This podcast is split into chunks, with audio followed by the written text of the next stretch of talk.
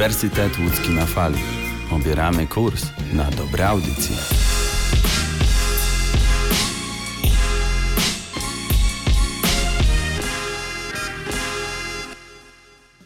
Ach, ta dzisiejsza młodzież.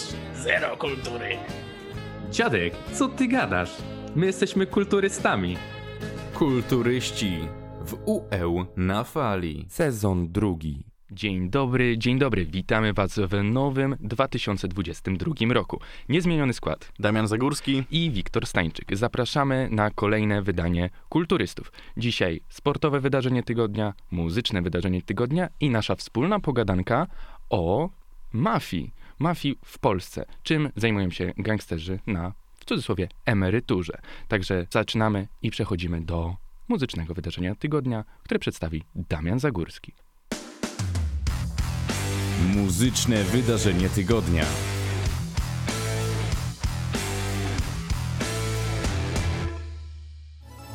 You are now listening to 103.5 Dawn FM.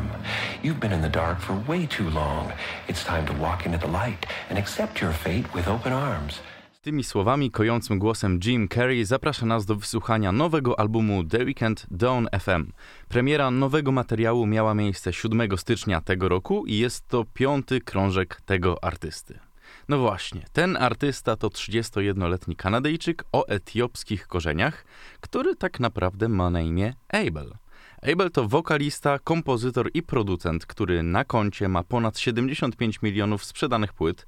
Jego utwory biją rekordy w ilości odtworzeń w serwisach streamingowych, a półki uginają się od nagród. I co prawda nagrody może w środowisku muzycznym nie są takie najważniejsze, ale no wrażenie robią trzy statuetki Grammy, 5 American Music Awards czy 19 nagród Billboardu.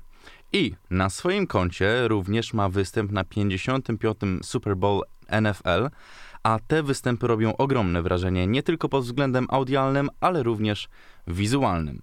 Poprzednia płyta After Hours i w ramach promocji tej płyty trasa, m, którą Kanadyjczyk miał m, właśnie przejechać, i wpaść do Polski, do Tauron Areny w Krakowie, miała mieć miejsce 7 listopada 2022 roku. Jednak tournée zostało przeniesione i zapowiedziano nowe daty koncertów i na razie nie wiadomo, czy The Weeknd wystąpi w Polsce i kiedy miałoby się to stać. Niestety, a już mamy kolejną płytę, bo nie miał nawet okazji z poprzednią wpaść do Polski, zaprezentować nowy materiał, a naprawdę miałem chętkę, bo rzeczywiście jakby utwór Blinding Lights był swego rodzaju hymnem pewnego czasu y, u nas na studiach i tutaj puszczam oczko do Wiktora. No ale sam artysta wypowiedział się na temat tego, że trzeba przesunąć te koncerty. Trasa koncertowa przesuwa się i rozpocznie się latem 2022 roku. Ze względu na ograniczenia obiektów, jakimi są areny i zapotrzebowanie na organizację większej ilości koncertów, chcę zrobić dla Was coś większego i specjalnego, co wymaga organizacji koncertów na stadionach.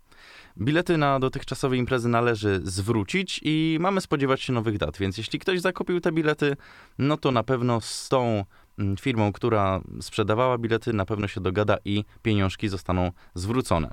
Ale o samym materiale. Abel o nowym albumie wspominał od kilku miesięcy i w rozmowie z GQ przyznał, że to materiał, który od zawsze chciał stworzyć. Tak na jego temat się wypowiada. Nowy projekt naładowany jest imprezowymi hitami. Quincy Jones spotkał Giorgio Morodera i stworzyli najlepszą z wszystkich pieprzonych imprez twojego życia. Żadne anachronistyczne disco. Styl retro miał swój czas w muzyce pop, ale to będą świeże rzeczy, komentował. I tak naprawdę myślałem, że tak będzie i porównanie tutaj do e, spotkania Quincy Jonesa z George'em Moroderem mm, wyobrażałem sobie trochę inaczej. Wyobrażałem sobie naprawdę takie disco z lat 80. bardzo, bardzo przyjemne i radosne, natomiast jest nieco inaczej, bo w Dawn FM The Weeknd czerpie z bogatego dorobku muzyki elektronicznej, co słyszymy m.in. w utworach takich jak Gasoline czy Take My Breath, mm, ale słychać tu również inspirację złotą erą disco. Na Don FM e, Abelowi udało się coś z pozoru niemożliwego, bo to muzyka, która porywa do tańca, ale swoją warstwę liryczną raczej ma mroczną i opowiada o niespełnionej miłości, o problemach z narkotykami, o problemach um, z depresją, z którą zmagał się sam Artysta. Stylizowany na audycję radiową Krążyk Artysty składa się z 16 tanecznych przebojów i nie są to jednak beztroskie piosenki o wspólnej zabawie do rana. Jak przystało na The Weeknd, nie bez powodu nazywano go mrocznym księciem popu, bo tak jak wspomniałem, może warstwa muzyczna jest radosna i zahacza o klimaty z lat 80., szczególnie disco, ale swoją warstwą liryczną zahacza o bardziej mroczne klimaty. To tyle, zachęcam do sprawdzania i do może dzielenia się swoimi spostrzeżeniami co do tego wydawnictwa. A teraz przechodzimy do emocji sportowych, które przekaże nam redaktor Wiktor Stańczyk. Sportowe wydarzenie tygodnia.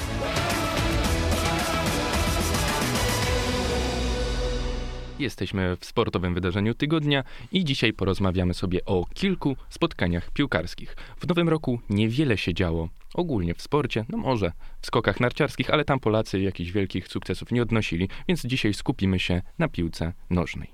Zaczniemy od e, Superpucharu Hiszpanii. W tych pięknych rozgrywkach doszło do starcia pomiędzy Realem Madryt a Barceloną. I to drużyna z Madrytu okazała się lepsza i po dogrywce wygrała 3 do 2. Trzeba tutaj zaznaczyć, że Real Madryt po raz piąty był lepszy od Barcelony. Po raz piąty z rzędu, oczywiście. Jeśli jesteśmy w temacie pucharów, rozgrywek pucharowych w Europie, trzeba wspomnieć o naszej ulubionej drużynie, czyli o Milanie, który niedawno, bo w tym tygodniu, pokonał Genoę 3 do 1, także po dogrywce. Co ciekawe, drużyna z Mediolanu przegrywała do pierwszej połowy, ale swoją zawziętością i doskonałym wyszkoleniem technicznym niektórych zawodników, zwłaszcza skrzydłowych, takich jak Rafael Leo, zdołali podwyższyć wynik na 3 do 1 już w dogrywce. I jeśli jesteśmy też na włoskich boiskach, trzeba przypomnieć, że Krzysztof Piątek zadebiutował we Fiorentinie i strzelił swoją pierwszą bramkę przeciwko Napoli. Kiedy ostatni raz debiutował we włoskiej Serie A w Milanie, także grał przeciwko Napoli i także w Pucharze. To bardzo ciekawe, bo jego drugi mecz był również z Napoli i strzelił wtedy dwie bramki. Także kto wie, może, może Krzysztof Piątek stworzony jest do gry we Włoszech, ponieważ no, w Niemczech nie najlepiej mu szło. Zagrał kilka spotkań, no, kilkadziesiąt, bo miał dwa sezony, ale tych spotkań nie było jakoś e, wiele, a na pewno nie wiele strzelił bramek. Także miejmy nadzieję, trzymamy za niego kciuki, że odbuduje swoją formę i będziemy razem mogli krzyczeć tak jak za dawnych lat pio, pio, pio. I nie przedłużając, przechodzimy już do głównej części naszego podcastu, czyli wspólnej pogadanki. Ale zanim to, to jeszcze chwila z muzyką.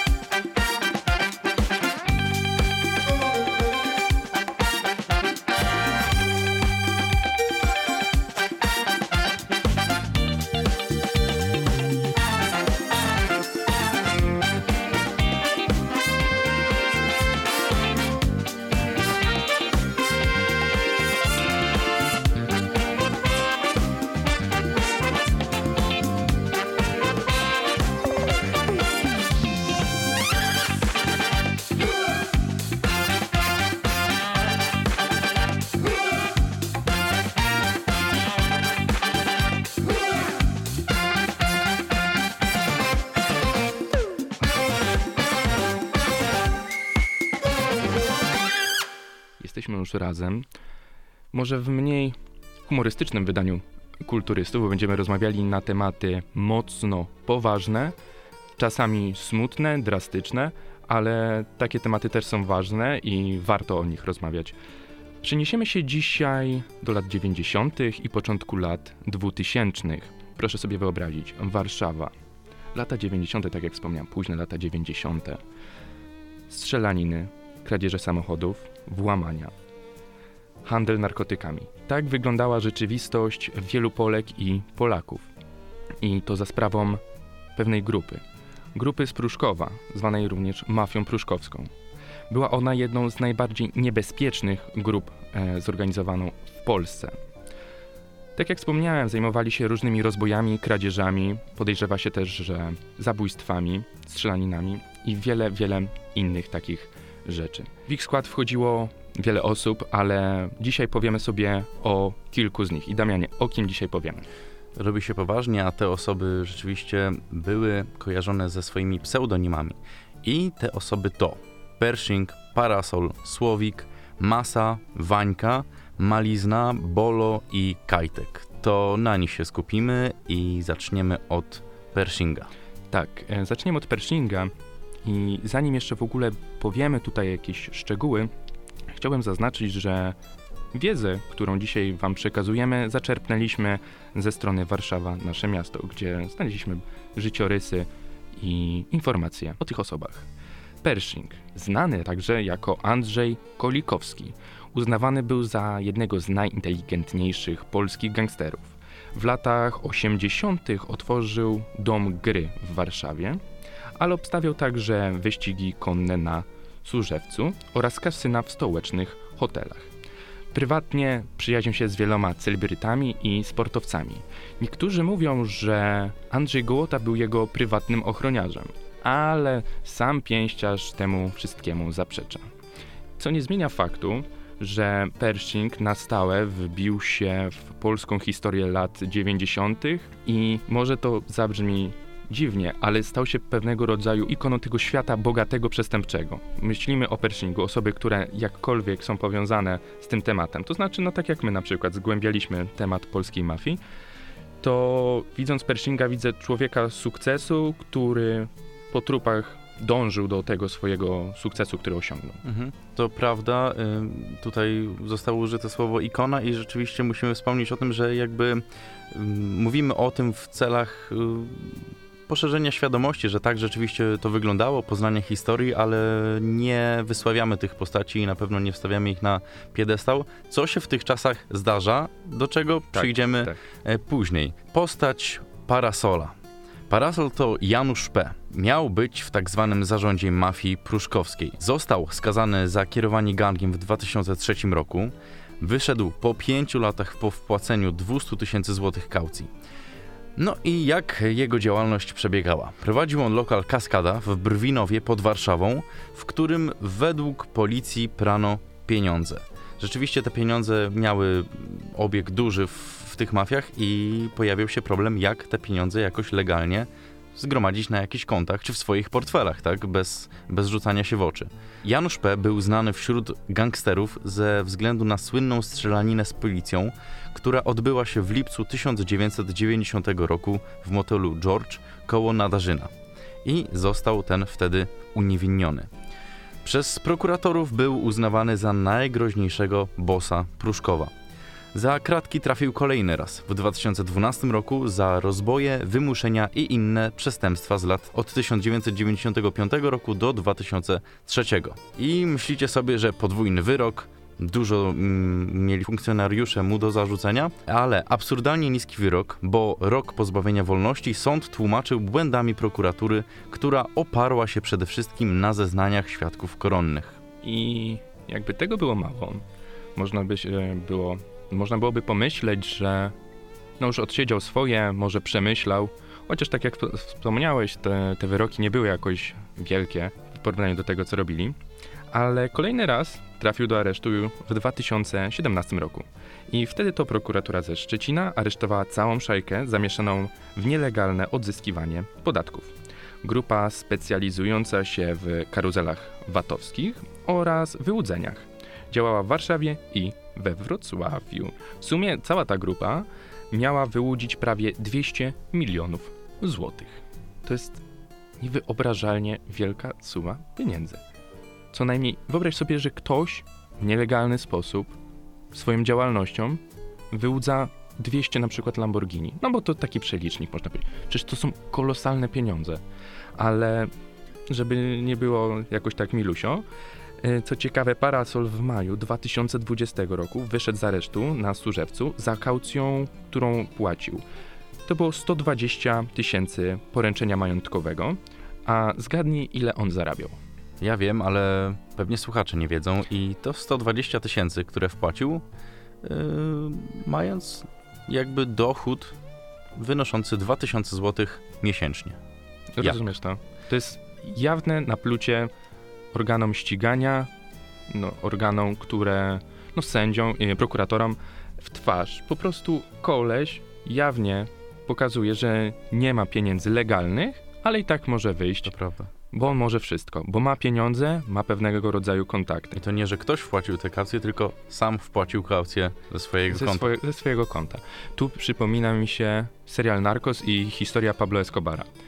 On, przynajmniej tak było pokazane w serialu, no my tego jakoś no teraz na, na 100% nie możemy potwierdzić, ale ponoć było tak, założył, że założył swoją firmę taksówkarską, w której były dwie taksówki i wszystkie pieniądze, które on zarabiał na produkcji i przemycie narkotyków, przechodziły przez te taksówki. I wyobraź sobie taką sytuację, że te taksówki generowały ci przychody w postaci kilkuset milionów, a może nawet w miliardach. No, na pewno w miliardach, bo on był w pewnym momencie siódmym najbogatszym człowiekiem na Ziemi, więc to musiało iść w miliardach z dwóch taksówek. Mhm. Trochę mi się nie kalkuluje, mimo wszystko, bo nasi taksówkarze jeździliby cały czas najlepszymi Mercedesami, BMKami czy, czy Audi. No ale dobra, wróćmy jeszcze na chwilę do tego parasola, bo wyszedł, tak jak wspomnieliśmy, za kaucją, ale do aresztu trafił pod koniec stycznia 2021 roku.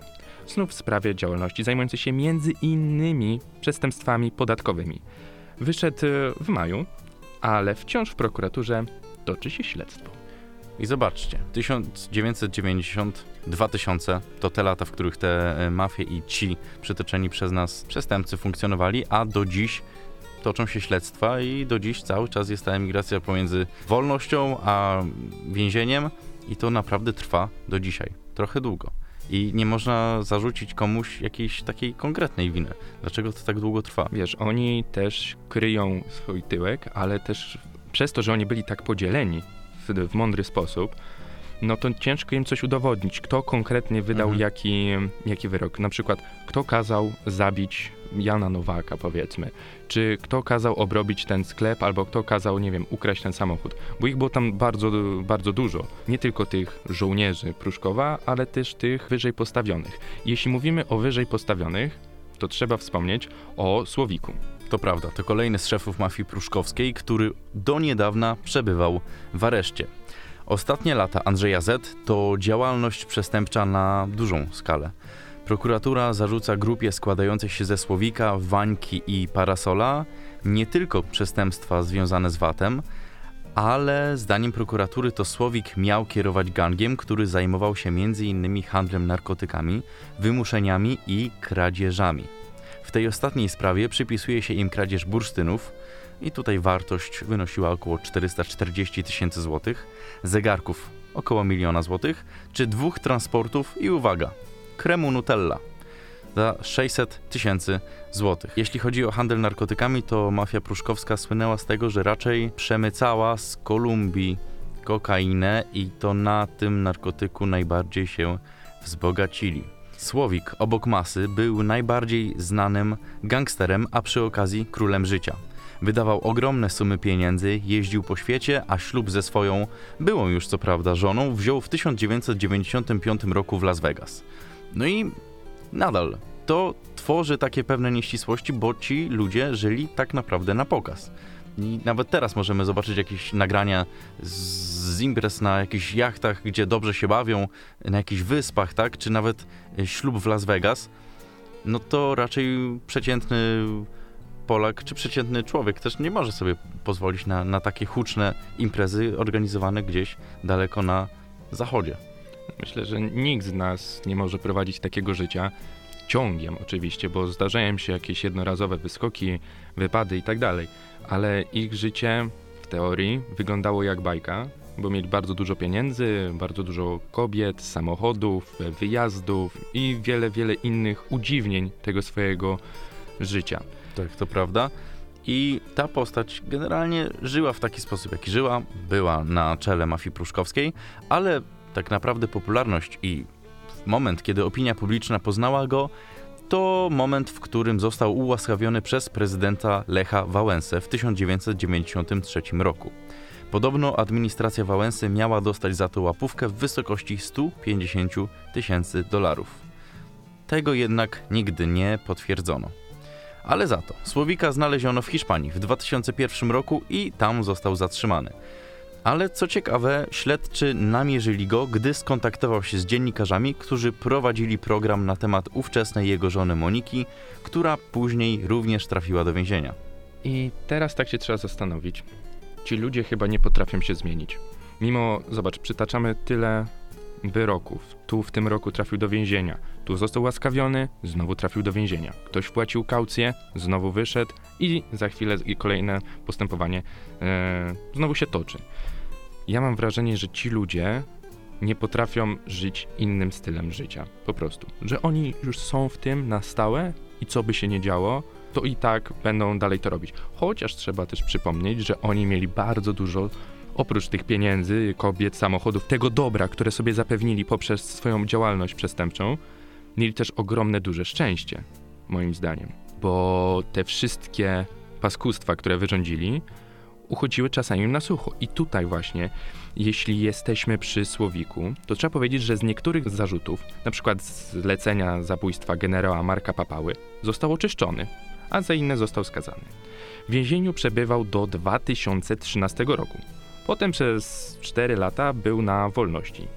I tutaj ciekawe, widywano go między innymi w Sopocie lub na stadionie Legii w loży VIP. I jeszcze co ciekawe, dalej idźmy w to, gdzie Słowik mógł się pojawić. Pojawił się w teledysku Malika Montany w utworze Big Popa. Andrzej Z kolejny raz trafił do aresztu w 2017 roku, a po trzech latach w sierpniu wyszedł za kaucją w wysokości 400 tysięcy złotych. Kolejna ogromna suma. Trzeba zauważyć, że my tutaj cały czas mówimy albo o setkach tysięcy, albo o milionach. Yy, W ich świecie chyba nie ma innych, tak, tak. innych wartości. Ale już kończąc y, tego słowika, już powiedzmy, za chwilę go podsumujemy, bo to, co się działo w ostatnich latach, powiedzmy w ostatnich 10 latach, to jest hit. Zapłacono 400 tysięcy, on wyszedł. Po tym, kiedy wyszedł, następnie znów trafił do aresztu za podejrzenie kierowania grupą przestępczą po 2013 roku oraz zawiązanie gangu w więzieniu w Białołęce. Jesus. Cytując klasyka. Jesus, kurwa, ja pierdolę. Co ci ludzie robią? Co oni mają w głowach? Osadzają go. Cały kraj żyje po prostu w lęku, strachu, bo takie świry chodzą po ziemi, zamykasz ich, myślisz, okej, są pod kluczem, miejmy nadzieję, że będzie dobrze. A oni tam rozpoczynają to wszystko na nowo. Tam tworzą podstawy do tego, żeby było, było jeszcze gorzej, kiedy oni wyjdą na, na światło dzienne, bo w Polsce najwyższa kara, no to kara 25 lat pozbawienia wolności. Więc to się kiedyś skończy, bo oni wszyscy nie są aż tak starzy. Znaczy nie byli jak y, dostawali te, te swoje wyroki.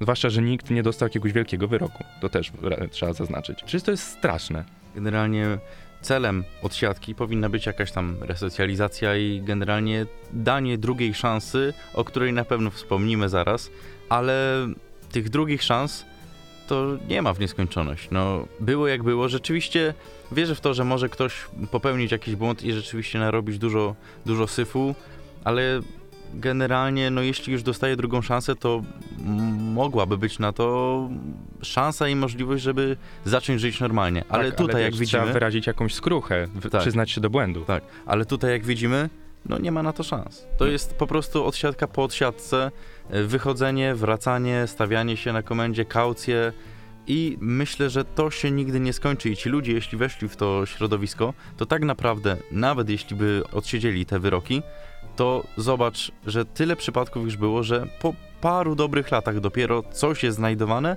i dopiero coś zaczyna być udowadniane i znowu jakaś kolejna sprawa zaczyna się toczyć. no to może tak to się toczyć w nieskończoność, prawda? I jeśli mówimy o tej nieskończoności, zapłacił ka- kaucję 400 tysięcy, wyszedł, wrócił znowu właśnie za podejrzenie kierowania y, gangiem w więzieniu i co ciekawe, teraz areszt opuścił 15 grudnia 2021 roku po wpłaceniu kolejnej kaucji oczywiście 200 tysięcy złotych i na jaw wyszło, że został twarzą gali Marcina Neymana, który osobiście bardzo się tym szczyci, bo uważa, że jest to wielki, jak on to mówi, boss i zasługuje, tak jak ty mówiłeś, na drugą szansę. No panie Marcinie, Chyba czerwona panie kartka. Marcinie, no niestety, w sporcie co prawda nie wyszło, jeszcze była szansa na jakiś biznes i na jakieś bycie człowiekiem. I w sporcie i w życiu jedno wielkie zero. Raz się przegrywa, raz się przegrywa. No, Ale bardzo ciekawi mnie to, jak Marcin Najman dalej po tym, co właśnie Krzysztof Stanowski w, w kanale sportowym y, rozpętał w ogóle debatę na, na rzeczywiście praktycznie całą Polskę, bo generalnie to tak szybko dotarło do wielu ludzi i każdy się tym zainteresował, że to jest nagłośnione bardzo, bardzo mocno. Ale Marcin Najman w Super Expressie mówił w wywiadzie, że nie uważa tego, że to był zły pomysł i generalnie ani razu nie pojawiły się w jego mm, głowie takie myśli, że no to nie jest dobra osoba na to stanowisko. I Marcin Najman chce dać Słowikowi drugą szansę, bo jeżeli nie damy drugiej szansy i nie damy jakby legalnie wejść w jakiś biznes, to ten człowiek będzie nadal pchał się do czarnego rynku i czarnych interesów i wychodzi na to, że rzeczywiście mamy się go bać, tak? I mamy Tak. zapewnić przestępcy godne życie i legalny interes czy bo biznes inaczej nas zabije. bo inaczej nas zabije. I Marcin Najman jeszcze zasłania, to co jest chyba najgorsze, zasłania się Biblią, testamentem, Jezusem, że Jezus też wybaczał, że Łotrom wybaczał, kto nie ma grzechu, ten niech pierwszy rzuci kamieniem, przytacza historie jakieś biblijne. I mam wrażenie, że to jest splunięcie w twarz ludziom naprawdę wierzącym, bo takie zasłanianie się religią jest poniżej Poza tym, jakiegokolwiek... Kim jest Najman, żeby wybaczać krzywdy tysięcy ludzi, które Pruszków im wyrządził?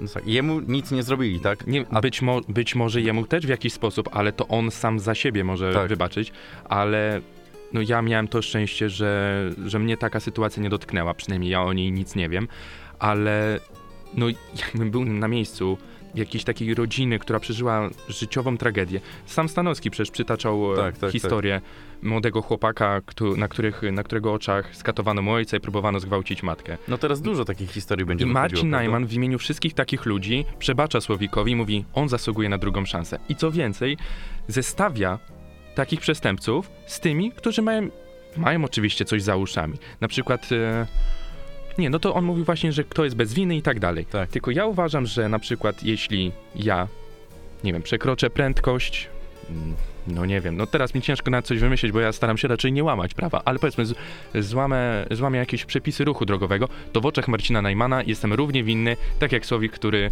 zlecał e, i gwałty, porwania, e, obcinał ludziom palce, kończy, wszystkie kończyny, zabijał tych ludzi, kradł i przemycał narkotyki. Jesteśmy na równi. No wszyscy jesteśmy grzesznikami, prawda? Więc wszyscy jesteśmy równi. Wszyscy A to czy równi. Słowik kierował mafią pruszkowską, czy ty przekroczyłeś prędkość, no to I generalnie tak obaj jesteśmy winni. kto nie ma grzechu na sumieniu, niech pierwszy rzuci kamieniem, prawda? W głowie się nie mieści. Straszne. Straszne. Ale jesteśmy przy tych najstraszniejszych, najbardziej brutalnych, ale powiedzmy sobie też, w cudzysłowie oczywiście, o największym gwiazdorze Pruszkowa, czyli o Masie. Masa. To Jarosław S., a później Eł. Zmienił nazwisko z, wiadomych przyczyn. To chyba najbardziej znany polski gangster i wszystko za sprawą tego, że został pierwszym w Polsce świadkiem koronnym. Dzięki jego zeznaniom sąd w 2003 roku skazał szefów mafii pruszkowskiej, ale Masa, korzystając z nagłej popularności, zaczął prowadzić życie celebryty. Udzielał wywiadów, pisał książki, utrzymywał mit mafii pruszkowskiej na wzór tej włoskiej czy kolumbijskiej. Pisał o narkotykach, kobietach, przestępstwach, a jego książki rozchodziły się w setkach egzemplarzy. No i dożyliśmy czasów, gdzie przestępcy są wystawiani na piedestał i naprawdę cieszą się dużą popularnością i ich produkty sukcesywnie się sprzedają i mają wzięcie. No, stają się celebrytami i osobami z pierwszych stron gazet. Tylko nie wiem za co, bo nic takiego nie zrobili. Znaczy zrobili o wiele, wiele złego i jakoś ten świat jest tak stworzony, że jesteśmy zmuszani, jesteśmy przekonywani do tego, że oni dobrze, dobrze, no źle zrobili, ale jakie ciekawe życie wiedli. Spójrzcie, jak oni żyli. To byli królowie.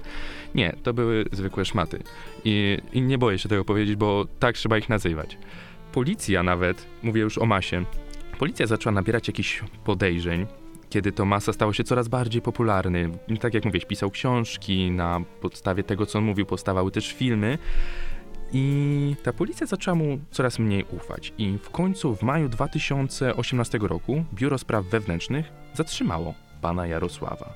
Chodziło o zarzuty wyłudzenia kredytów, łapówki oraz powoływanie się na wpływy policji. I wtedy to Masa trafił do aresztu w Opolu i najpierw na trzy miesiące. Koniec końców wyszedł w maju 2020. Ze względu na status świadka koronnego wobec Masy stosowano dodatkowe środki bezpieczeństwa. I w areszcie trafił do pojedynczej sali, która cały czas była monitorowana. I tutaj może też przytoczę słowa skruszonego masy. Dziś jestem kompletnie inny. Przemyślałem bardzo wiele rzeczy. Zrobiłem rachunek sumienia. Jest mi wstyd za to, czego się dopuściłem i chcę żyć spokojnie, na łonie rodziny. I takie słowa wypowiedział w rozmowie z Super Expressem. No może przemyślał. Może gdzieś do niego dotarło.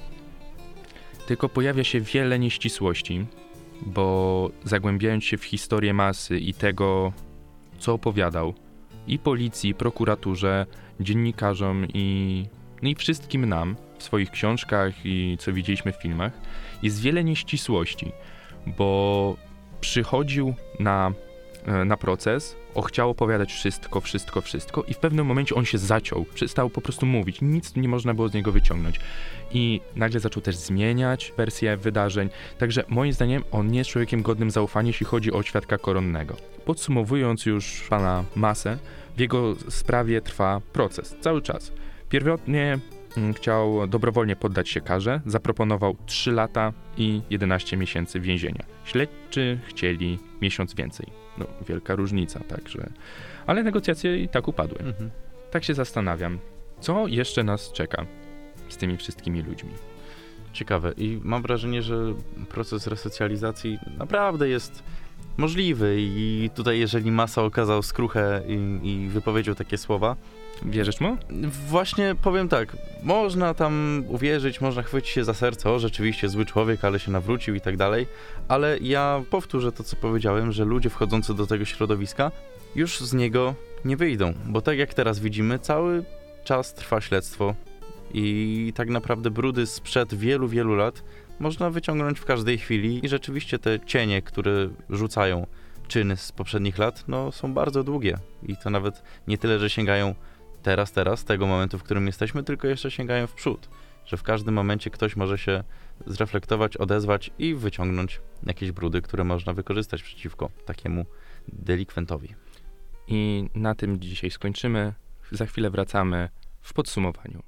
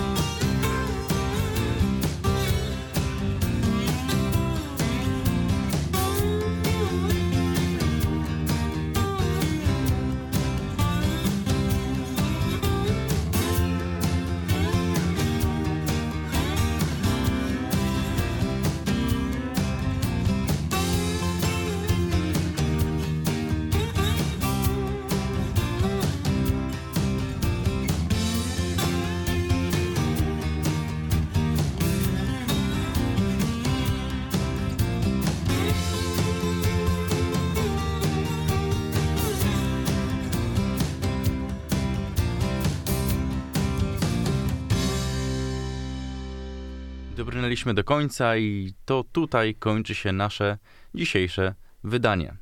Co tydzień mieliśmy przygotowane dla Państwa jakiś cytat, jakąś myśl, a dzisiaj mamy ciszę. Chwilę dla refleksji, żeby przemyśleć sobie to, kogo stawiamy na piedestał i kto w tych czasach jest celebrytą i czy to są, Odpowiednie osoby. żeby je wysławiać. Ze studia nagraniowego UEU na fali żegnają się z Państwem Wiktor Stańczyk. i Damian Zagórski.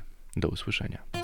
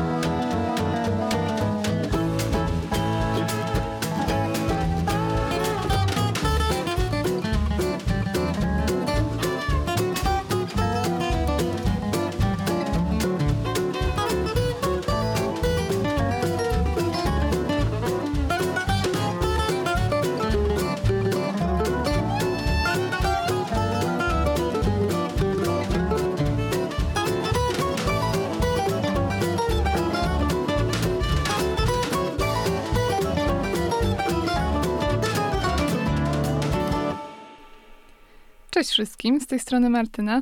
Witam Was serdecznie w Melomanii w pierwszym odcinku w 2022 roku. Bardzo mi miło, że chcecie wybrać się ze mną w kolejną muzyczną podróż. Dzisiaj, jako że rozpoczęliśmy już karnawał, przeniesiemy się do kolorowego, szalonego świata disco. Mam nadzieję trochę Was rozgrać w te zimne, styczniowe dni. W tym celu opowiem Wam o ścieżce dźwiękowej do filmu Gorączka sobotniej nocy z 1977 roku. Zapraszam. Gorączka sobotniej nocy to amerykański film obyczajowy w reżyserii Johna Bandama. Głównym bohaterem jest 19-latek Tony Manero, w tej roli John Travolta. Tony mieszka na Brooklynie w Nowym Jorku z rodzicami i siostrą. Pracuje w sklepie budowlanym, nie jest zbyt dobrze wykształcony i z tego też powodu nie ma przed sobą żadnych perspektyw. Ma kilku bliskich przyjaciół i razem z nimi głównie kręci się po okolicy i snuje marzenia o luksusowym życiu na Manhattanie, na co żaden z nich nie ma większych szans.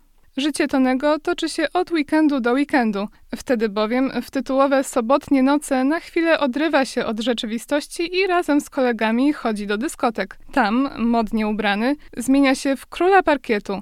Znajduje się w centrum zainteresowania, a jego umiejętności taneczne wzbudzają ogromny podziw. Któregoś razu Manero spotyka tancerkę Stefani, która trenuje w dyskotece i od razu chce, aby to ona była jego partnerką w zbliżającym się konkursie tańca.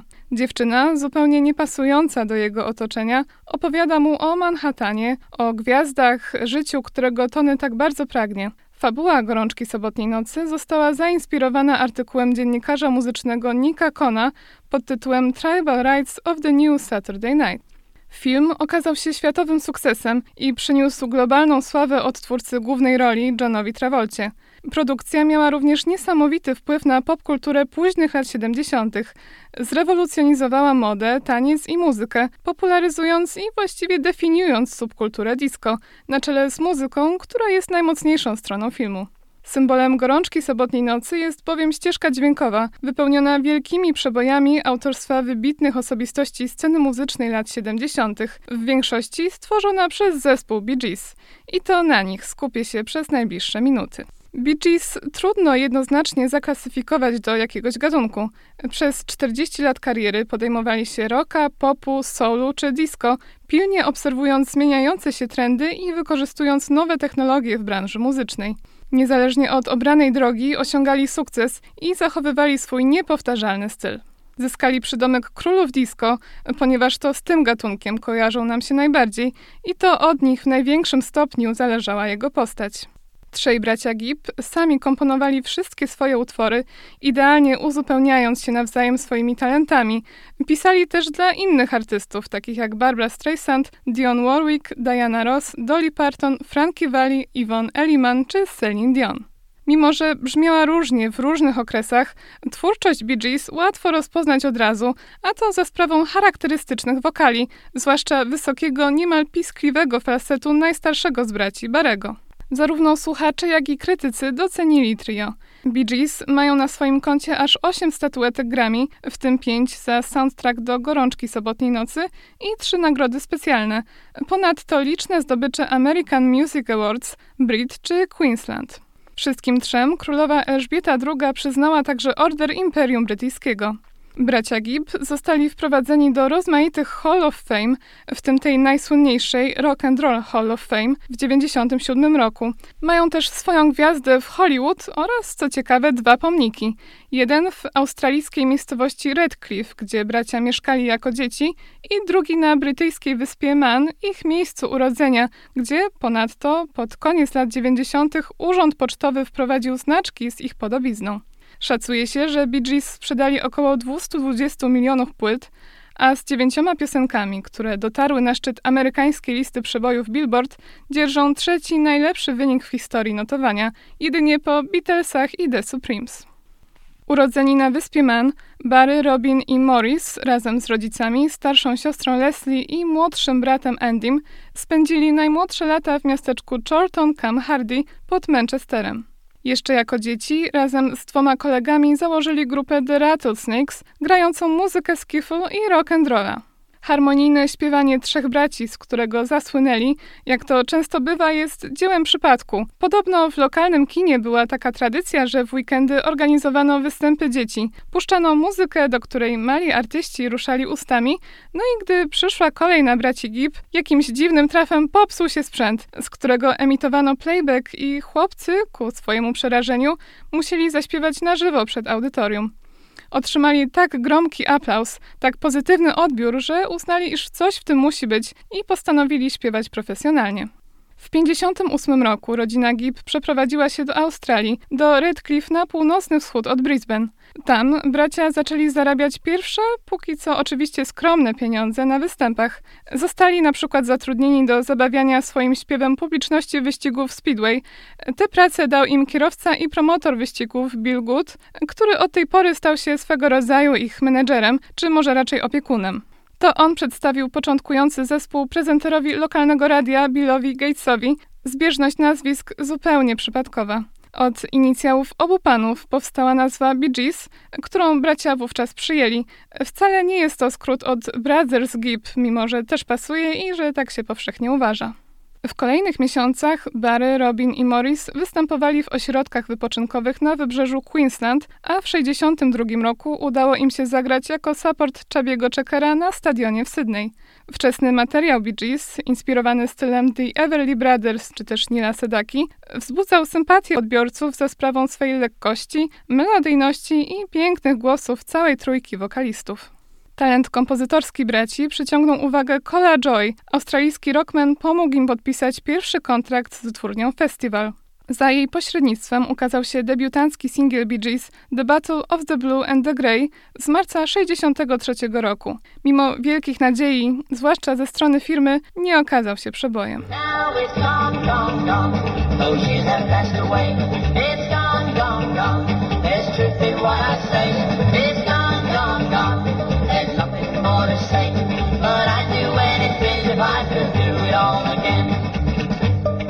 Barry Gibb samodzielnie napisał tę piosenkę, gdy miał zaledwie 16 lat. Odniósł się w niej do tematyki wojny, opisując historię emerytowanego żołnierza i jego wspomnienia z pola bitwy.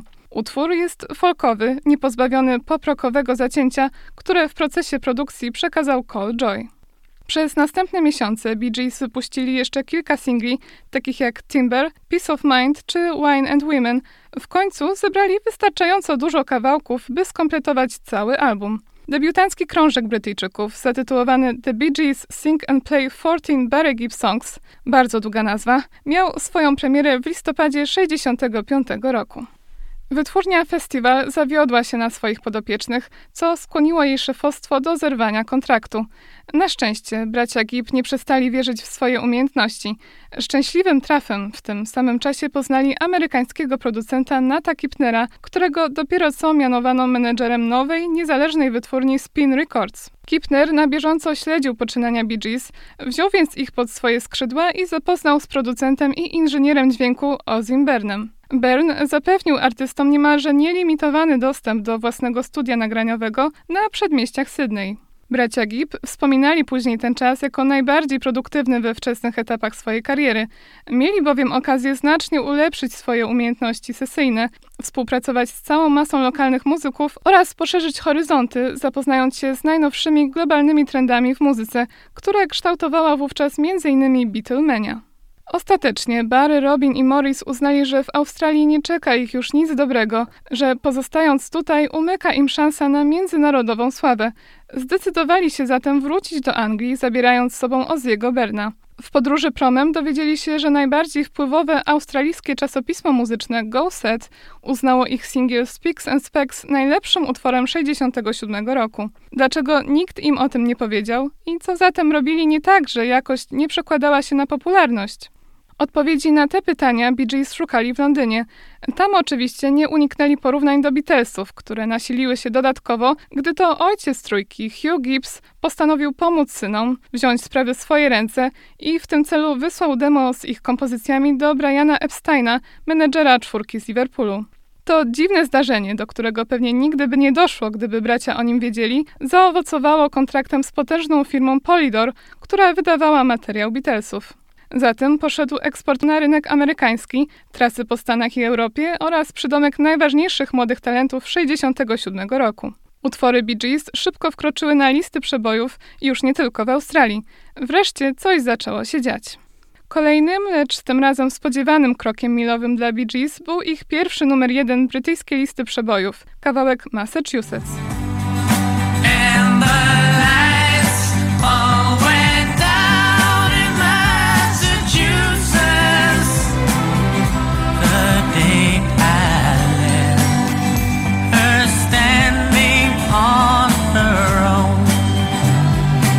To popisowy numer, w sensie wokalnym, dla Robina i stały punkt koncertów Bee Gees. Została napisana wspólnie przez trzech braci, pierwotnie dla zespołu The Seekers, jednak jakimś dziwnym sposobem braciom nie udało się spotkać z The Seekers i do tej transakcji nie doszło. Zatrzymali ją więc dla siebie. Piosenka miała w zamyśle pełnić rolę antytezy wobec dwóch, wówczas w miarę nowych, wielkich przebojów o San Francisco. Jednego Scotta McKenzie'ego, drugiego grupy The Flower Potmen. W obu osoba mówiąca udaje się do San Francisco, aby dołączyć do ruchu hipisów, ale tęskni za domem. Bee Gees śpiewają, że w Massachusetts jest pusto, ponieważ wszyscy wyjechali właśnie do San Francisco. Przed powstaniem piosenki Bee Gees nigdy nie byli w Massachusetts, ale jak przyznają, po prostu podobało im się brzmienie tego słowa z częstym występowaniem litery S. Jak wiadomo, słowa ma swoje słabe strony i Bee Gees wkrótce mieli je odczuć, zwłaszcza Robin. Pod koniec 1968 roku artysta zmagał się z problemami zdrowotnymi spowodowanymi wycieńczeniem. Opuścił z tego powodu sesje nagraniowe do nowego albumu. Robinowi doskwierały nie tylko problemy zdrowotne, ale także coraz silniejsze poczucie, że wytwórnia i opinia publiczna faworyzują Barego, że najstarszy z braci stał się takim nieformalnym liderem, a przecież wszyscy trzej mieli być równi. Czary goryczy dopełniły niskie wyniki sprzedażowe szóstego albumu Bee Gees Odessa, z którego muzycy byli szczególnie dumni i który był i jest do tej pory chwalony przez krytyków za konceptualizm i progresywność. Ostatecznie Robin odłączył się i rozpoczął karierę solową, w której wkrótce odnosił sukcesy. Barry i Morris występowali odtąd sami z pomocą muzyków sesyjnych. W takiej konfiguracji też nagrywali. Widząc, że nie idzie im już tak dobrze jak kiedyś, również Morris skupił się na indywidualnym projekcie. Kilka solowych nagrań wypuścił także Barry. W przeciwieństwie do wielu zespołów, które rozpadały się bezpowrotnie przez jakieś bezsensowne konflikty, w przypadku Bee Gees rozstanie bardzo zbliżyło braci do siebie. Już w 1970 roku Barry i Morris ponownie skontaktowali się z Robinem i przeprosili go za wszystko, co mogło spowodować jego odejście z zespołu. Odtąd Bee Gees znów nagrywali razem i jeszcze w tym samym roku wypuścili swój ósmy studyjny album Two Years On. Aż do połowy dekady nagrywali regularnie, a ich materiał pozostał utrzymany w dotychczasowym stylu. Bracia Gibb byli jednak na tyle wprawnymi obserwatorami swojej branży, że dostrzegli narodziny nowych, dotąd nieznanych muzyce trendów i wyczuli odpowiedni moment, aby zwrócić się w kierunku disco, kierunku, z którego do dziś słyną najbardziej. W gatunku tym od razu poczuli się jak ryby w wodzie. Jedna z pierwszych prób, utwór Jive Talking, podbił listy przebojów na całym świecie i przyniósł Bee Gees ich drugi numer jeden w Stanach Zjednoczonych.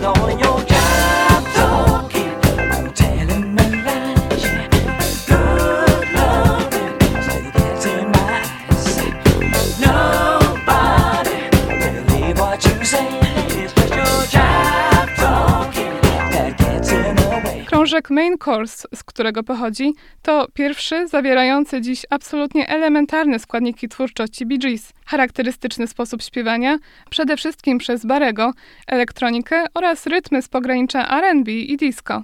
Odświeżone brzmienie odzwierciedlał nowy logotyp, zbudowany z eleganckich, fantazyjnych złotych liter. Nie trudno było dostrzec, że Bee Gees w połowie lat 70.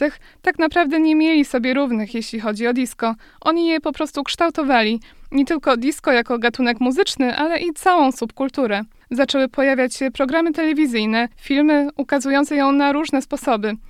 Pomysł na jedną z takich produkcji, Gorączkę sobotniej nocy, przyszedł do głowy producentowi filmowemu Robertowi Stigwoodowi. To on też szukał artystów, którzy nagraliby ścieżkę dźwiękową i choć dzisiaj trudno sobie wyobrazić gorączkę sobotniej nocy bez muzyki Bee Gees, wybór ten nie był oczywisty od początku. John Travolta, odtwórca głównej roli, wspomina, że na planie tańczył do piosenek Stevie'ego Wondera i Boza Skaksa. I to właśnie do utworu Skaksa, Lowdown, stworzono choreografię tańca filmowych postaci Tony'ego i Stefani. Wyłącznie pewne nieścisłości prawne uniemożliwiły jej ostateczne umieszczenie w filmie. Może nie powinno się gdybać, ale jeżeli ta piosenka, czyli Lowdown Boza Skaksa, zostałaby w gorączce sobotniej nocy, no cóż, film mógłby nie odnieść tak wielkiego sukcesu. Na udział Bee Gees w realizacji ścieżki dźwiękowej zdecydowano się dopiero na etapie postprodukcji. Stigwood skontaktował się z braćmi, gdy ci pracowali nad kolejnym albumem we Francji. Kiedy usłyszeli propozycję nagrania kilku piosenek do niskobudżetowej produkcji, byli średnio zainteresowani, mówiąc delikatnie, i stwierdzili, że w ich obecnej sytuacji przy nawale pracy w studiu to sprawa drugorzędna i zajmą się nią, jeśli znajdą czas. Ostatecznie zagospodarowali wolny weekend i wówczas napisali kilka piosenek, które następnie od razu nagrali we francuskim studiu Château de Rouville, nie wiedząc właściwie zbyt wiele na temat filmu, mając do dyspozycji, jak wspominał Robin, jedynie jakiś naprawdę ogólnikowy konspekt scenariusza. Demo zachwyciło Stigwooda, który poprosił braci o więcej. We wrześniu 1977 roku światło dzienne ujrzał pierwszy singiel promujący ścieżkę dźwiękową do gorączki sobotniej nocy, zatytułowany How Deep Is Your Love.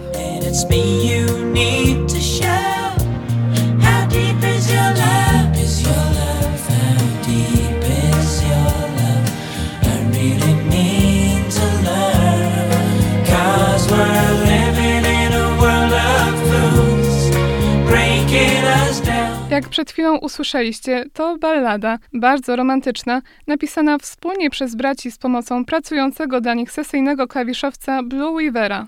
Została oparta na elektrycznym pianinie, a jej najmocniejszą stroną jest harmonia wokalna Barego i Robina w refrenie, która brzmi bardzo przyjemnie i nastrojowo. Podobno słuchacze początkowo myśleli, że słyszą samego Barego i pytali go, jak to robi, że tak dobrze brzmi w tym refrenie. A on bardzo uczciwie odpowiadał, że to zasługa brata, ponieważ każdy, rzecz jasna, świetnie śpiewa sam, ale najlepiej wychodzi im to razem.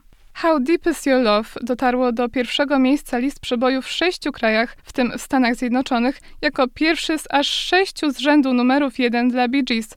Trzeba przyznać, że to niezwykle imponujące osiągnięcie. Zespół wyrównał wówczas rekord należący do Beatlesów, pobity dopiero pod koniec lat 80. przez Whitney Houston.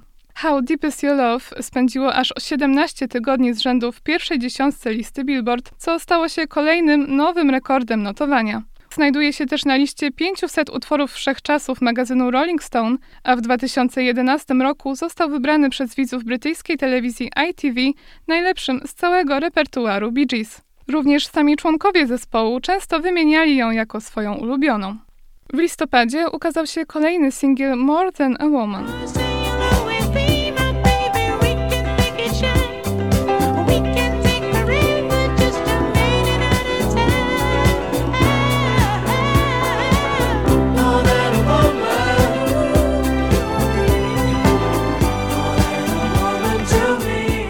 Jak przeczytałam na mojej osobiście ukochanej stronie poświęconej historii i interpretacji wybitnych piosenek songfacts.com, zawiera ona klucz do sukcesu w muzyce disco, który Bee Gees doskonale znali i odkryli jako jedni z pierwszych. Niespodzianka, ja sprzedam wam go teraz, więc jeśli myślicie o karierze w muzyce disco, to słuchajcie uważnie. Otóż chodzi o to, aby jak najszybciej przechodzić z jednej sekcji do drugiej, od zwrotki do refrenu i potem do kolejnej zwrotki. Wydaje się proste, prawda? I w More Than a Woman to rzeczywiście się pojawia. Mimo, że sam utwór jest dość spokojny i nie za szybki, to jednak rzeczywiście te kolejne sekwencje zmieniają się bardzo sprawnie.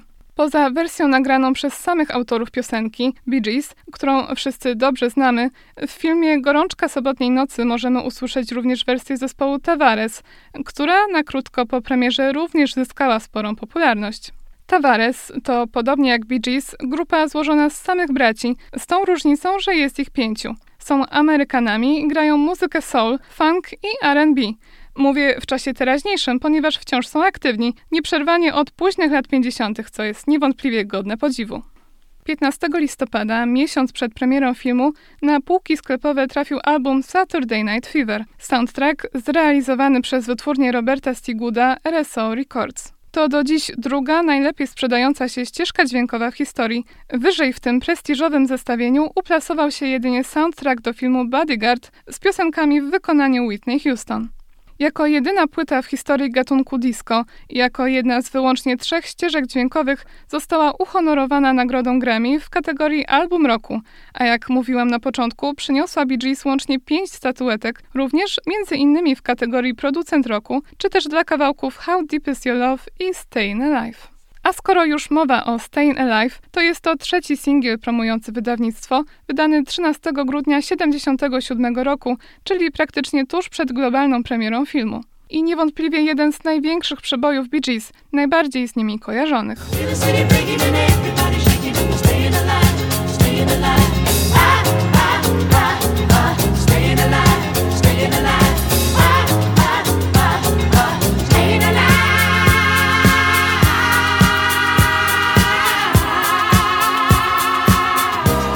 Piosenka ta jest w pewnym sensie kluczowa dla filmu. Jest jego symbolem, ponieważ wybrzmiewa w tle początkowych napisów. I z tego względu RSO Records, czyli jak już wcześniej wspomniałam, firma Stigooda zajmująca się dystrybucją ścieżki dźwiękowej do gorączki sobotniej nocy, nalegała, aby zatytułować ją Saturday Night, aby tytuł ten korespondował bezpośrednio z filmem, ale bracia Gibb, jak to mieli w zwyczaju, postawili na swoim, bo jak mówili, prawie każdy artysta ma w swoim dorobku piosenkę pod tytułem Saturday Night, tym bardziej, że oni sami mieli już przygotowany inny kawałek ze słowem night w tytule Night Fever. Choć Stayin' Alive przyniosła Bee Gees kolosalną sławę, to bracia mieli co do niej mieszane uczucia, gdyż bezpowrotnie zaszufladkowała ich do nurtu disco, jak gdyby cały świat zapomniał o długiej i przecież udanej wcześniejszej karierze zespołu, kiedy to grał on też inne gatunki. Stayin' Alive opiera się na genialnym zestrojeniu basu z tym wprost ikonicznym gitarowym riffem, do tego charakterystyczny, nieco piskliwy wokal Barego, po prostu magia. Jak twierdzi Albi Galuten, współproducent płyty, sekretem tej kompozycji jest uczłowieczenie mechanicznego dźwięku, tej zlupowanej melodii, poprzez wprowadzenie nieregularnych elementów. Pomimo klubowej, bardzo rytmicznej aranżacji w stylu groove, tekst Stayin' Alive, jak mówią sami autorzy, jest dość desperacki. Opowiada o trudnym życiu na ulicach Nowego Jorku, o przetrwaniu w biedniejszych częściach wielkiego miasta, dlatego też idealnie odzwierciedla historię filmowego Tonego i jego problemy. Pierwszą piosenką, którą Bee Gees skomponowali na potrzeby gorączki sobotniej nocy była If I Can't Have You, zaśpiewana przez Yvonne Elliman i wydana jako czwarty singiel promujący płytę.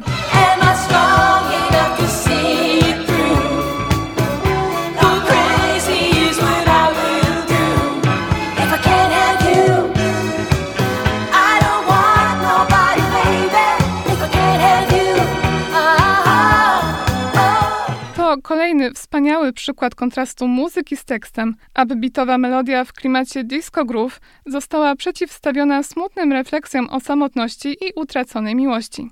If I Can't Have You, jak już mówiłam, śpiewa Yvonne Elliman, dla której to bezapelacyjnie największy przebój w karierze. Elliman jest amerykańską piosenkarką i kompozytorką urodzoną na Hawajach. Pierwsze kroki w showbiznesie stawiała jako aktorka. Wystąpiła m.in. w słynnym musicalu Jesus Christ Superstar. Współpraca z Bee Gees poskutkowała nadaniem jej łatki gwiazdy disco, natomiast wcześniej artystka specjalizowała się w popowych balladach.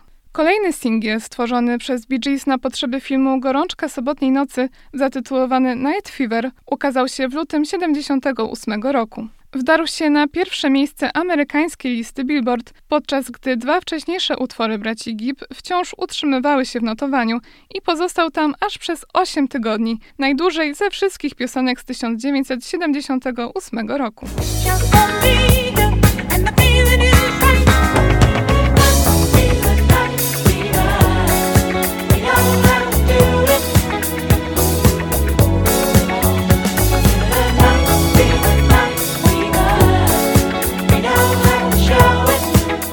Kultowe intro do Night Fever zostało zainspirowane kompozycją Theme from a Summer Place Persiego Fate'a, którą klawiszowiec Blue Weaver grał sobie na pianinie podczas sesji nagraniowych. W pewnym momencie Barry to usłyszał, spodobało mu się i od razu przyszedł mu do głowy autorski pomysł. Według Weavera w efekcie jest to jej interpretacja w stylu disco, jak żeby inaczej.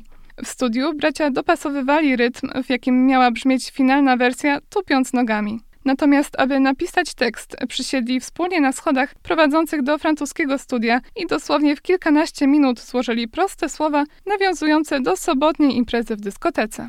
Warto wspomnieć, że soundtrack do Gorączki Sobotniej Nocy zawiera także utwory z wcześniejszego repertuaru Bee Gees. Jednym z nich jest You Should Be Dancing, nieodłącznie kojarzony z filmem, ale pochodzący jeszcze z albumu Children of the World z 1976 roku.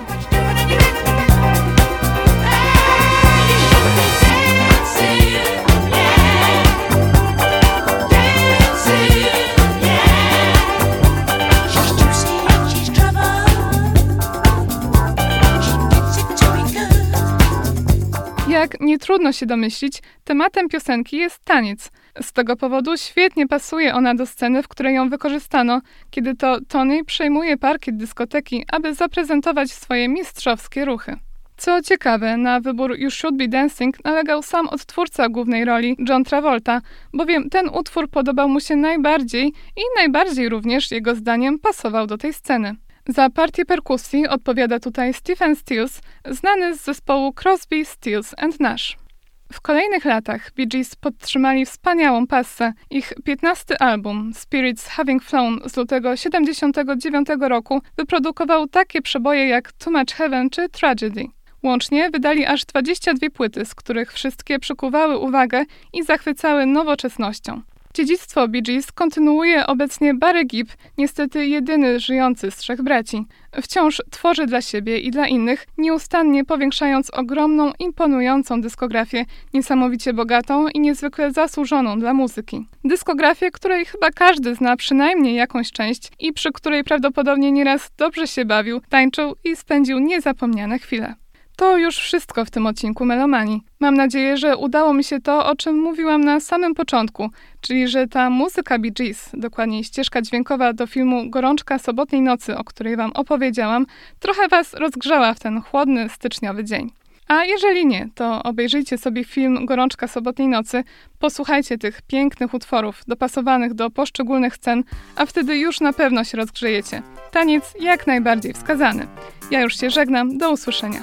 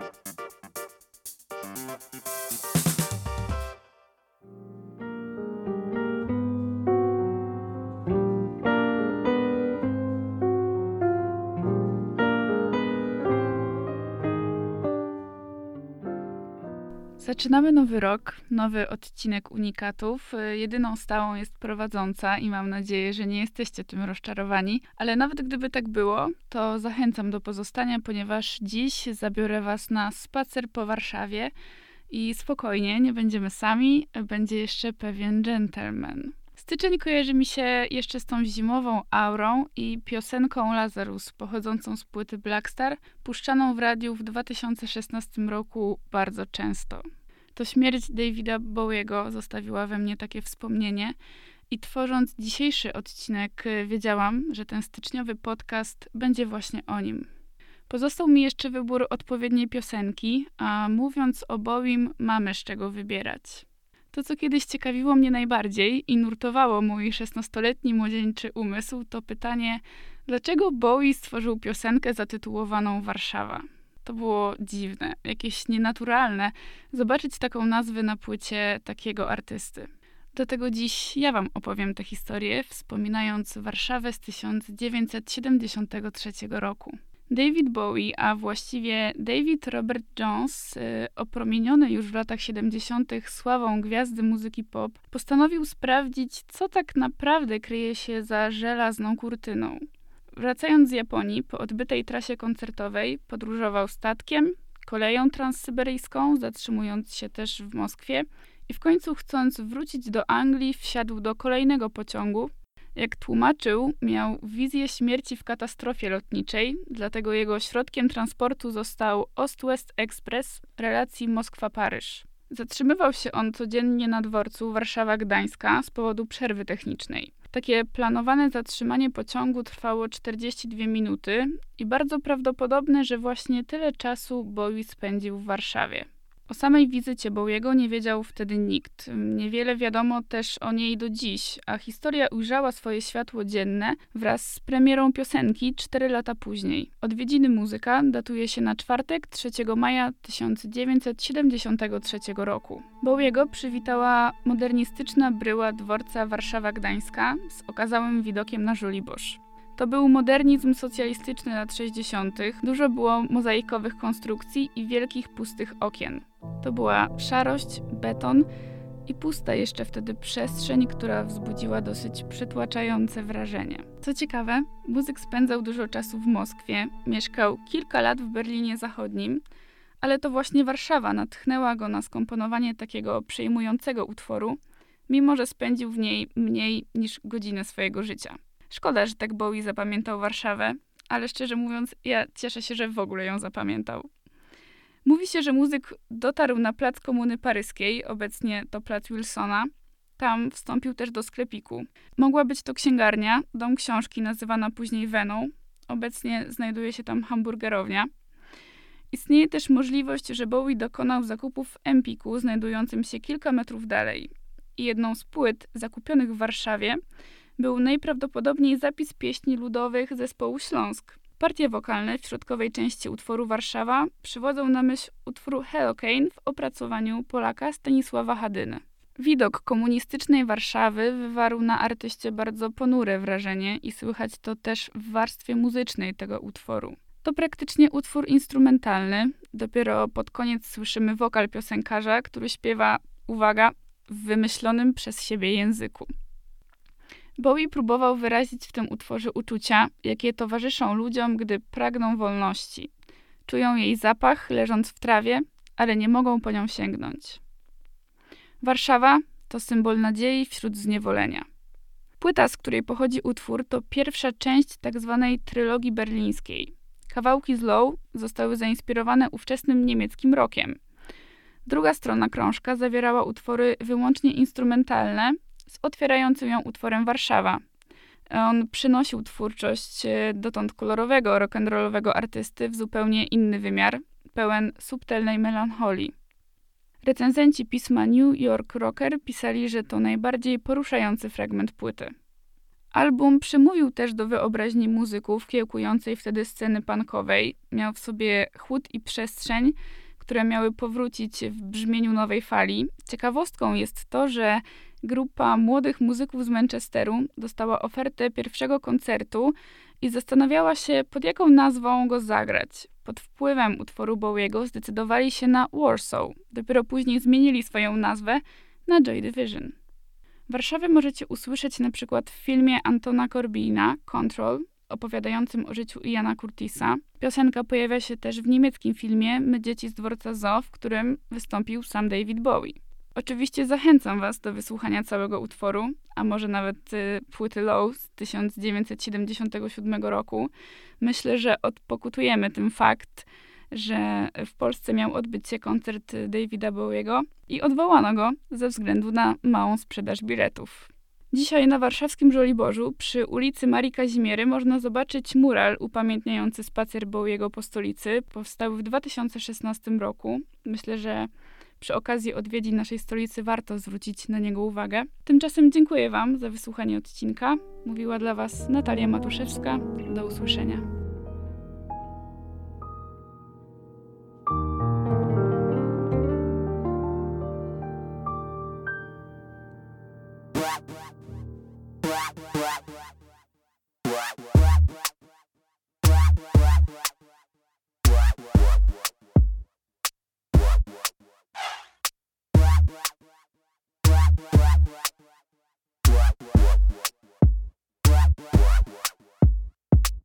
You creeping all over me, You're stealing my thoughts.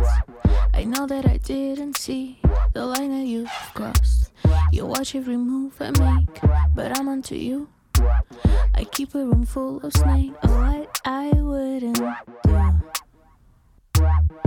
Get you out of my head, get you out of my bed. What I wouldn't do. Get you out of my head, get you out of my bed. What I wouldn't. Get you out of my head, get you out of my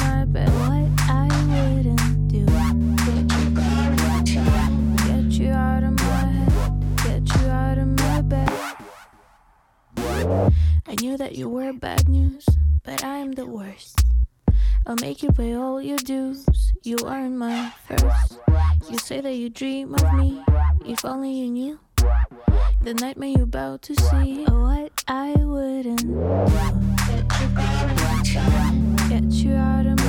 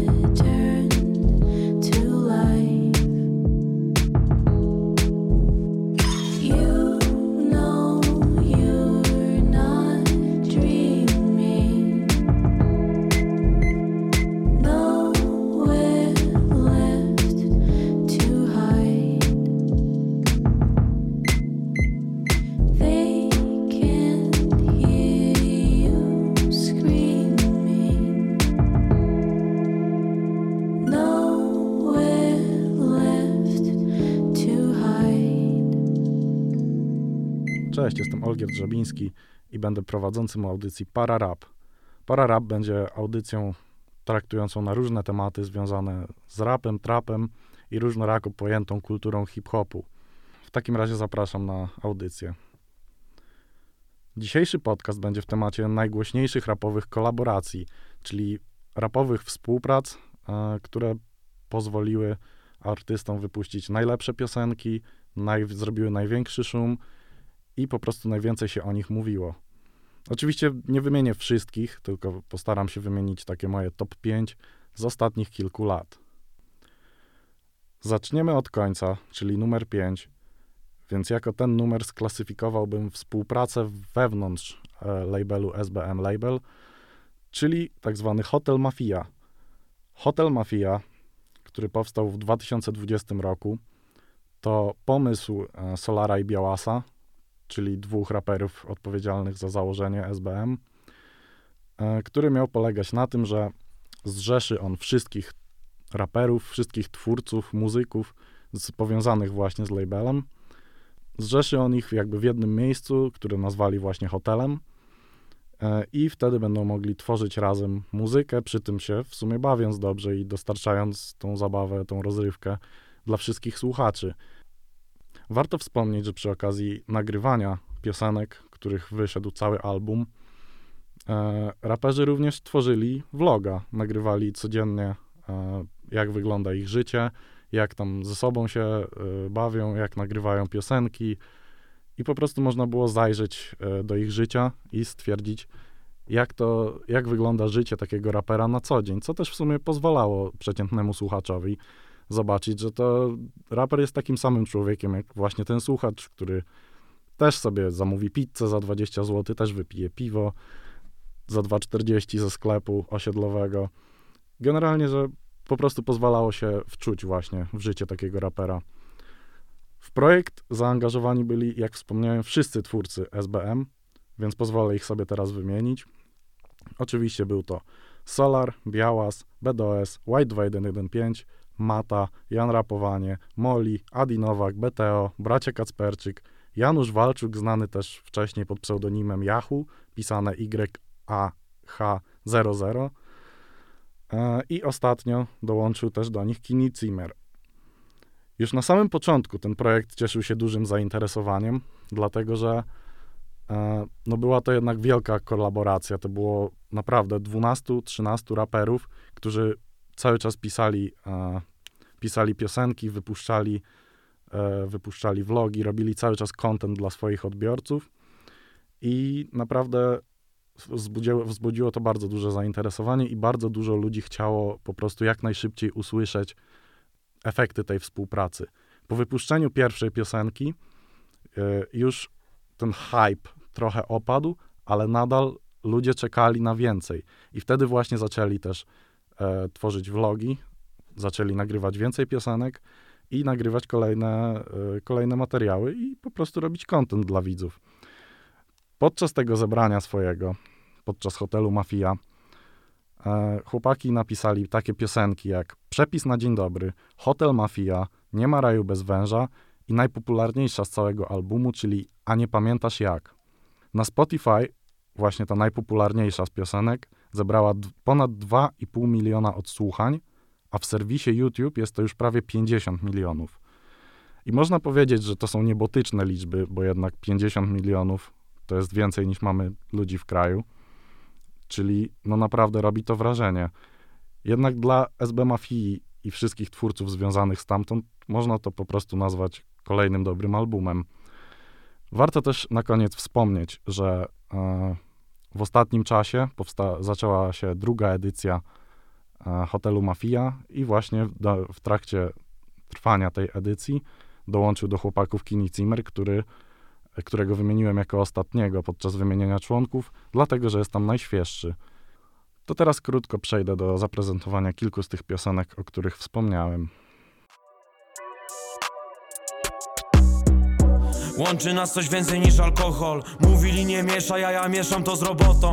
O, nie jestem robotem, chcę odpocząć. Nie jestem robotem, mam świadomość, że Łączy nas coś więcej niż alkohol. Mówili nie mieszaj, a ja mieszam to z robotą. O, nie jestem robotem, chcę odpocząć. Nie jestem robotem, mam świadomość.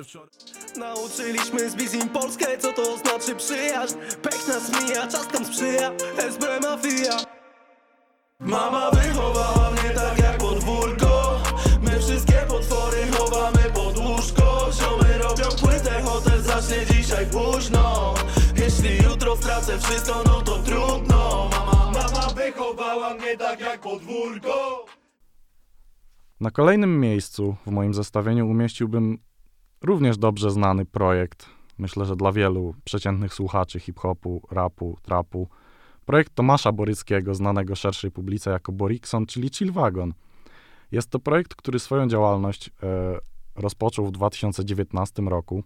Wtedy w składzie Chillwagonu mieli, mogliśmy usłyszeć założyciela, wspomnianego Boriksona, razem z Reto, Kizo, Żabsonem, Zetchą i Kurym.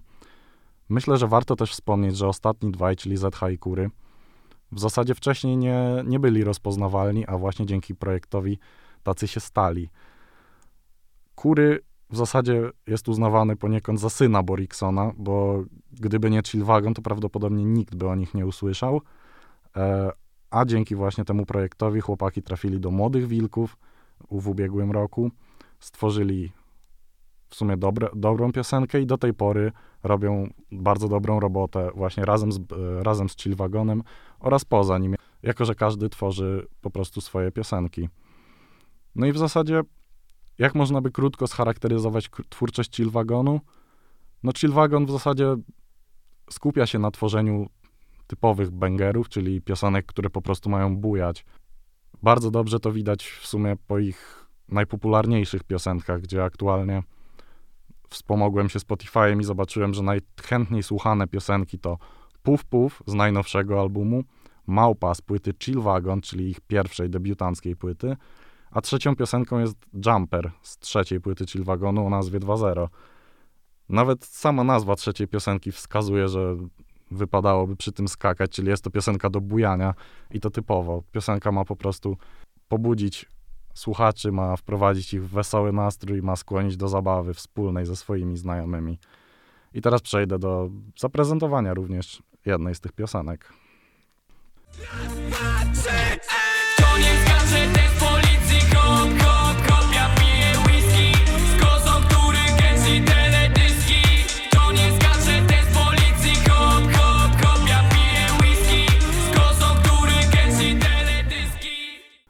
Numerem trzecim, czyli najniższym stopniem podium w moim zestawieniu jest Ojo, czyli ubiegłoroczny projekt Miłosza O Co Chodzi Stępnia, Igora Jank-Igiego Ośmiałowskiego oraz Oskara Okiego Kamińskiego. Nazwa oczywiście wzięła się od e, pierwszych liter pseudonimów autorów, czyli O od O Co Chodzi i od Igi i drugie O od Oki. Twórczość całego Ojo można w sumie nazwać jako taka typowa mainstreamowa twórczość, czyli w zasadzie ich płyta, która została nazwana również Ojo. To są piosenki, które też idealnie pasują do samochodu, jak muzyka chill wagonu. Jest, są to piosenki bardziej... Są to piosenki spokojne. E, W większości, chociaż mamy też bangery, takie jak Worki w tłum, które na TikToku i na YouTubie i na Spotify'u zdobywają szalone liczby wyświetleń i po prostu no w momencie, kiedy wychodziły, wychodziły te piosenki, wyszła ta, wyszedł ten album, na hype na to był przeogromny z samego powodu tego, że e, promocja była bardzo dobrze przeprowadzona. Na Instagramach wszystkich z trzech chłopaków można było zauważyć posty, można było zauważyć ich własny merch, ich własne produkty i po prostu bardzo dobrze zadbali o to, żeby nagłośnić odpowiednio swój projekt. Dlatego ten projekt tak wystrzelił. Można też powiedzieć, że projekt strasznie dużo dał samym raperom.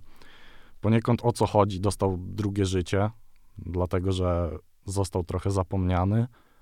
E, ludzie nie mówili aż tak o nim. W zasadzie, jak kogoś się zapyta o, o co chodziego, to mamy piosenkę Nie Nie, która jest w sumie jego rekordową piosenką, chyba około 90 milionów wyświetleń aktualnie na YouTubie. No i w zasadzie trudno było komukolwiek przypomnieć sobie o lepszych piosenkach, o co chodzi. W tym momencie mamy Ojo, gdzie o co chodzi może zaśpiewać w każdej piosence, może w każdej piosence dać wyraz swojej osoby i dać się jeszcze raz poznać starym i nowym słuchaczom. Oki, jako najświeższy w sumie w branży, najświeższy w mainstreamie, dzięki projektowi Ojo w sumie dostał jeszcze większy rozgłos niż miał, bo słynął ze swoich technicznych nawijek, czyli w zasadzie słynął z tego, że potrafił nawijać bardzo szybko, między innymi u Silesa w piosence Niemów, jego znaną piosenką, która go wybiła, Łup, tam też nawinął parę szybkich linijek, jednak najbardziej, przynajmniej w moich oczach, zyskał Young Iggy, który jest równie doświadczony jak koledzy, jednak personalnie nie potrafiłem słuchać jego muzyki przez wzgląd na to, że miałem dosyć takich ckliwych trochę piosenek, przesyconych autotunem, tak jak mówiłaś. No po prostu nie dało mi się tego, nie umiałem tego słuchać, a dzięki właśnie Ojo totalnie zmieniłem postrzeganie na temat Yankigiego. No i, no i z Ojo możemy zapamiętać takie piosenki jak amerykańskie teledyski, właśnie wymie- wymienione wcześniej przeze mnie Worki w tłum, czy moje ulubione MVP, które mimo upływu czasu dalej mi się dobrze słucha i pozwolę posłuchać też tego wam. Młodych To życie wyglądać tak ma Trzeci dzień studio, znów łapie vibe Gramy tu na jak GTA 5.00 i WWA uh. Schodzi słońce, patrz Stoję na tego la, podbija random. Trzy minuty, no i zawijam się taksą. Jano Ona powiedziała, że ja robię to jak nikt. Odokado, odokado, odokado i dupa Zna się na rapie jak Cardi B. Więc mówi do mnie MVP Srebrny medal w moim zestawieniu otrzymuje duet Quebo na Fide oraz Taco Hemingway, czyli Taco na Fide. Końcówka roku 2017. Ja, smutny licealista z Radomia, nie mający czego słuchać. Byłem fanem Quebo na Fide, miałem przyjaciela, który był fanem Taco Hemingwaya i osobiście bardzo się nudziliśmy, czekaliśmy aż wreszcie któryś z nich coś wypuści i w końcu stało się. Taco na Fide, projekt, który rozpoczął się od piosenki Art B, wywołała, wywołała ona bardzo duży szum i bardzo wszyscy cieszyli się na tę kolaborację, jako że w tamtym momencie Taco i Quebo byli najbardziej rozpoznawalnymi twarzami polskiego rapu. Po prostu każdy ich słuchał, każdy znał ich piosenki, więc hype na Taco na Fide jako projekt był niesamowity. Drugie w kolejności usłyszeliśmy kryptowaluty, potem była Metallica 808 i chyba największy hit z całej płyty, bo chyba każdy zna piosenkę Tamagotchi. Kiedy wreszcie płyta Soma pół miligrama ujrzała światło dzienne, to wszyscy zaczęli czekać na epkę, czyli Somę ćwierć miligrama. Moim skromnym zdaniem, Taco Hemingway i Quebo na Fide nie nagrali swoich najlepszych piosenek na tej płycie. Uważam, że Taco dużo lepiej brzmiał w Trójkącie, czyli jednej ze swoich pierwszych płyt, chyba pierwszej po polsku, a Quebo na Fide na egzotyce nawet. Z pewnością jednak współpraca tych dwóch raperów pozwoliła im na zdobycie chyba największej popularności w tamtym czasie i w zasadzie zarobić też oczywiście dużo pieniędzy, o czym i tak nikt pewnie nie chce mówić, ale jest to oczywiste. No i w zasadzie zostali wtedy znani w całej Polsce, bo pamiętam, że nawet moja mama i mój tata potrafili usłyszeć w radiu Tamagotchi i śpiewać, bo ta piosenka była naprawdę, naprawdę masakrycznie przehypowana. Zresztą nawet na samym koncercie, na którym byłem w 2019 roku, ludzie cały czas krzyczeli Tamagotchi, Tamagotchi, żeby Quebo na Fide zagrał bis.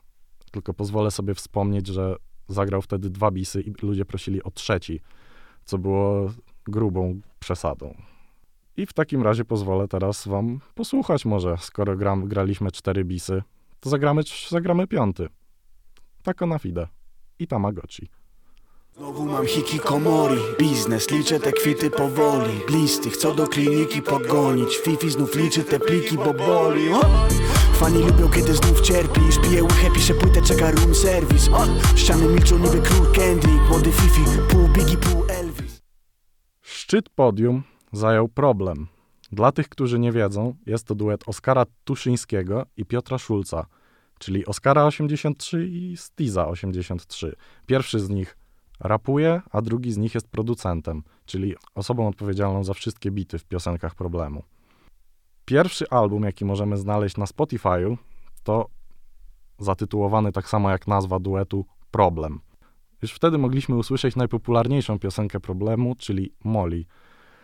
Duet jest jednak dużo starszy, bo, bo piosenka i album, o której wspomniałem, są z 2016 roku, a piosenki na YouTubie możemy znaleźć już nawet w 2014-2013 roku. Więc no jest to zespół z historią już, już z kilkoma albumami na koncie, z kilkoma nagrodami, w których, wśród których są nawet Fryderyki. No ale powiedzmy sobie może krótko o fanach problemu. W, rozmowę fanów problemu można porównać do rozmowy fanów na przykład Quebo na Fide wcześniej wspomnianego, gdzie ludzie słuchający Quebo na Fide mogą ze sobą rozmawiać w sposób taki. No, słyszałem ostatnio piosenkę Quebo na Fide. Ty też słyszałeś? No, słyszałem. No, fajna, nie? No, fajna, fajna, dobrze się tego słucha. Gdzie w przypadku problemu możemy przy, przypomnieć takiego mema, e, tak zwanych gigaczadów, gdzie stoi naprzeciwko siebie dwóch mężczyzn patrzących w, sobie w oczy i mówiących słuchasz problemu? A drugi mu odpowiada tak, aż tak widać. Ja osobiście długo walczyłem ze sobą, bo bardzo mi nie odpowiada melorecytacja, jaką prezentuje nam Oscar w większości swoich piosenek.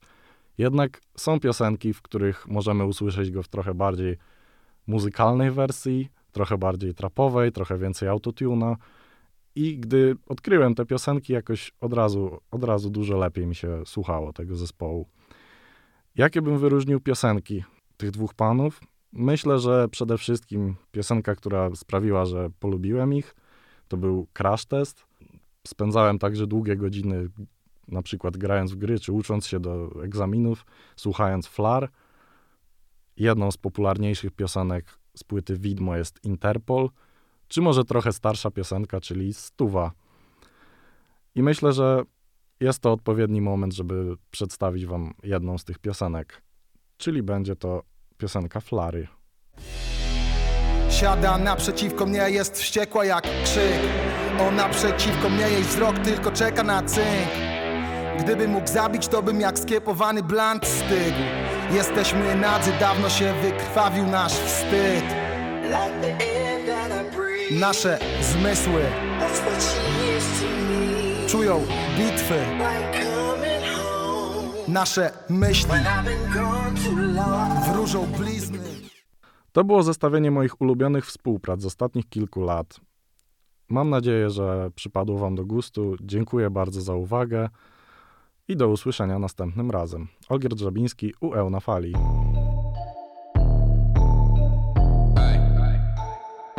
Who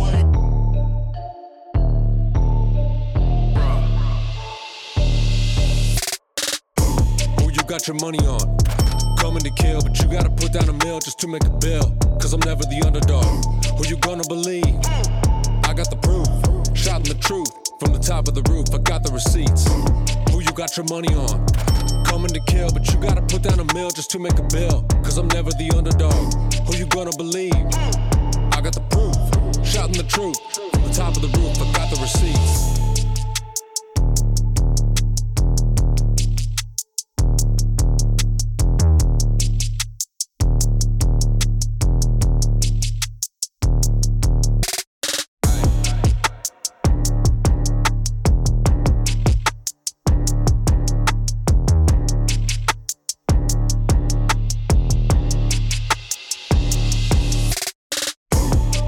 Your money on? Coming to kill, but you gotta put down a mill just to make a bill. Cause I'm never the underdog. Who you gonna believe? I got the proof. Shouting the truth. From the top of the roof, I got the receipts. Who you got your money on? Coming to kill, but you gotta put down a mill just to make a bill. Cause I'm never the underdog. Who you gonna believe? I got the proof. Shouting the truth. From the top of the roof, I got the receipts.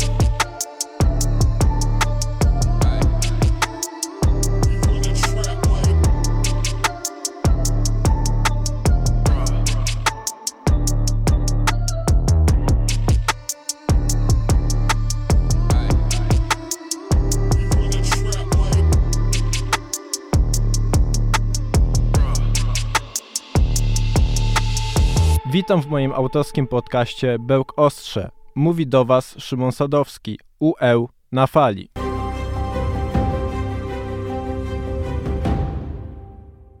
Dzisiaj porozmawiamy sobie o kunaj. Czym jest, skąd pochodzi, do czego służy, a także gdzie współcześnie możemy się mu bliżej przyjrzeć. Bez zbędnego przedłużania zapraszam. Kunai pochodzi z Japonii. Początkowo służyło ono jako narzędzie stolarskie, ogrodnicze, a nawet murarskie. Tradycyjnie kunai wykuwano w rozmiarach od 20 do 60 cm. Kunai posiadało ostrze w kształcie liścia, rękojeść, a także pierścień na jej zakończeniu, aby chwyt był mocniejszy. Aby jeszcze bardziej wzmocnić chwyt, przeplatano linę przez pierścień i dłoń. Ostrze było wykonane z miękkiego żelaza. Warto wspomnieć, że było ono niezaostrzone, co zapobiegało uszkodzeniom w wyniku użytkowania. Narzędzia tego używali głównie misi z Shaolin. Pomimo, że jest to tylko narzędzie, nie znaczy, że kunai nie może też być bronią. Jego lekkość i poręczność sprawia, że wprawny wojownik mógł zadać nim poważne obrażenia. Nie trudno było naostrzyć taki kunai. Był to popularny arsenał ninja, gdyż było to nie tylko lekkie i poręczne, jak już wcześniej wspominałem, ale także tanie i łatwe do ukrycia. We współczesnej popkulturze najbardziej znanym dzierżawcą kunai jest postać z serii gier Mortal Kombat Scorpion. I to by było na tyle. Mówił do Was Szymon Sadowski. UE na fali.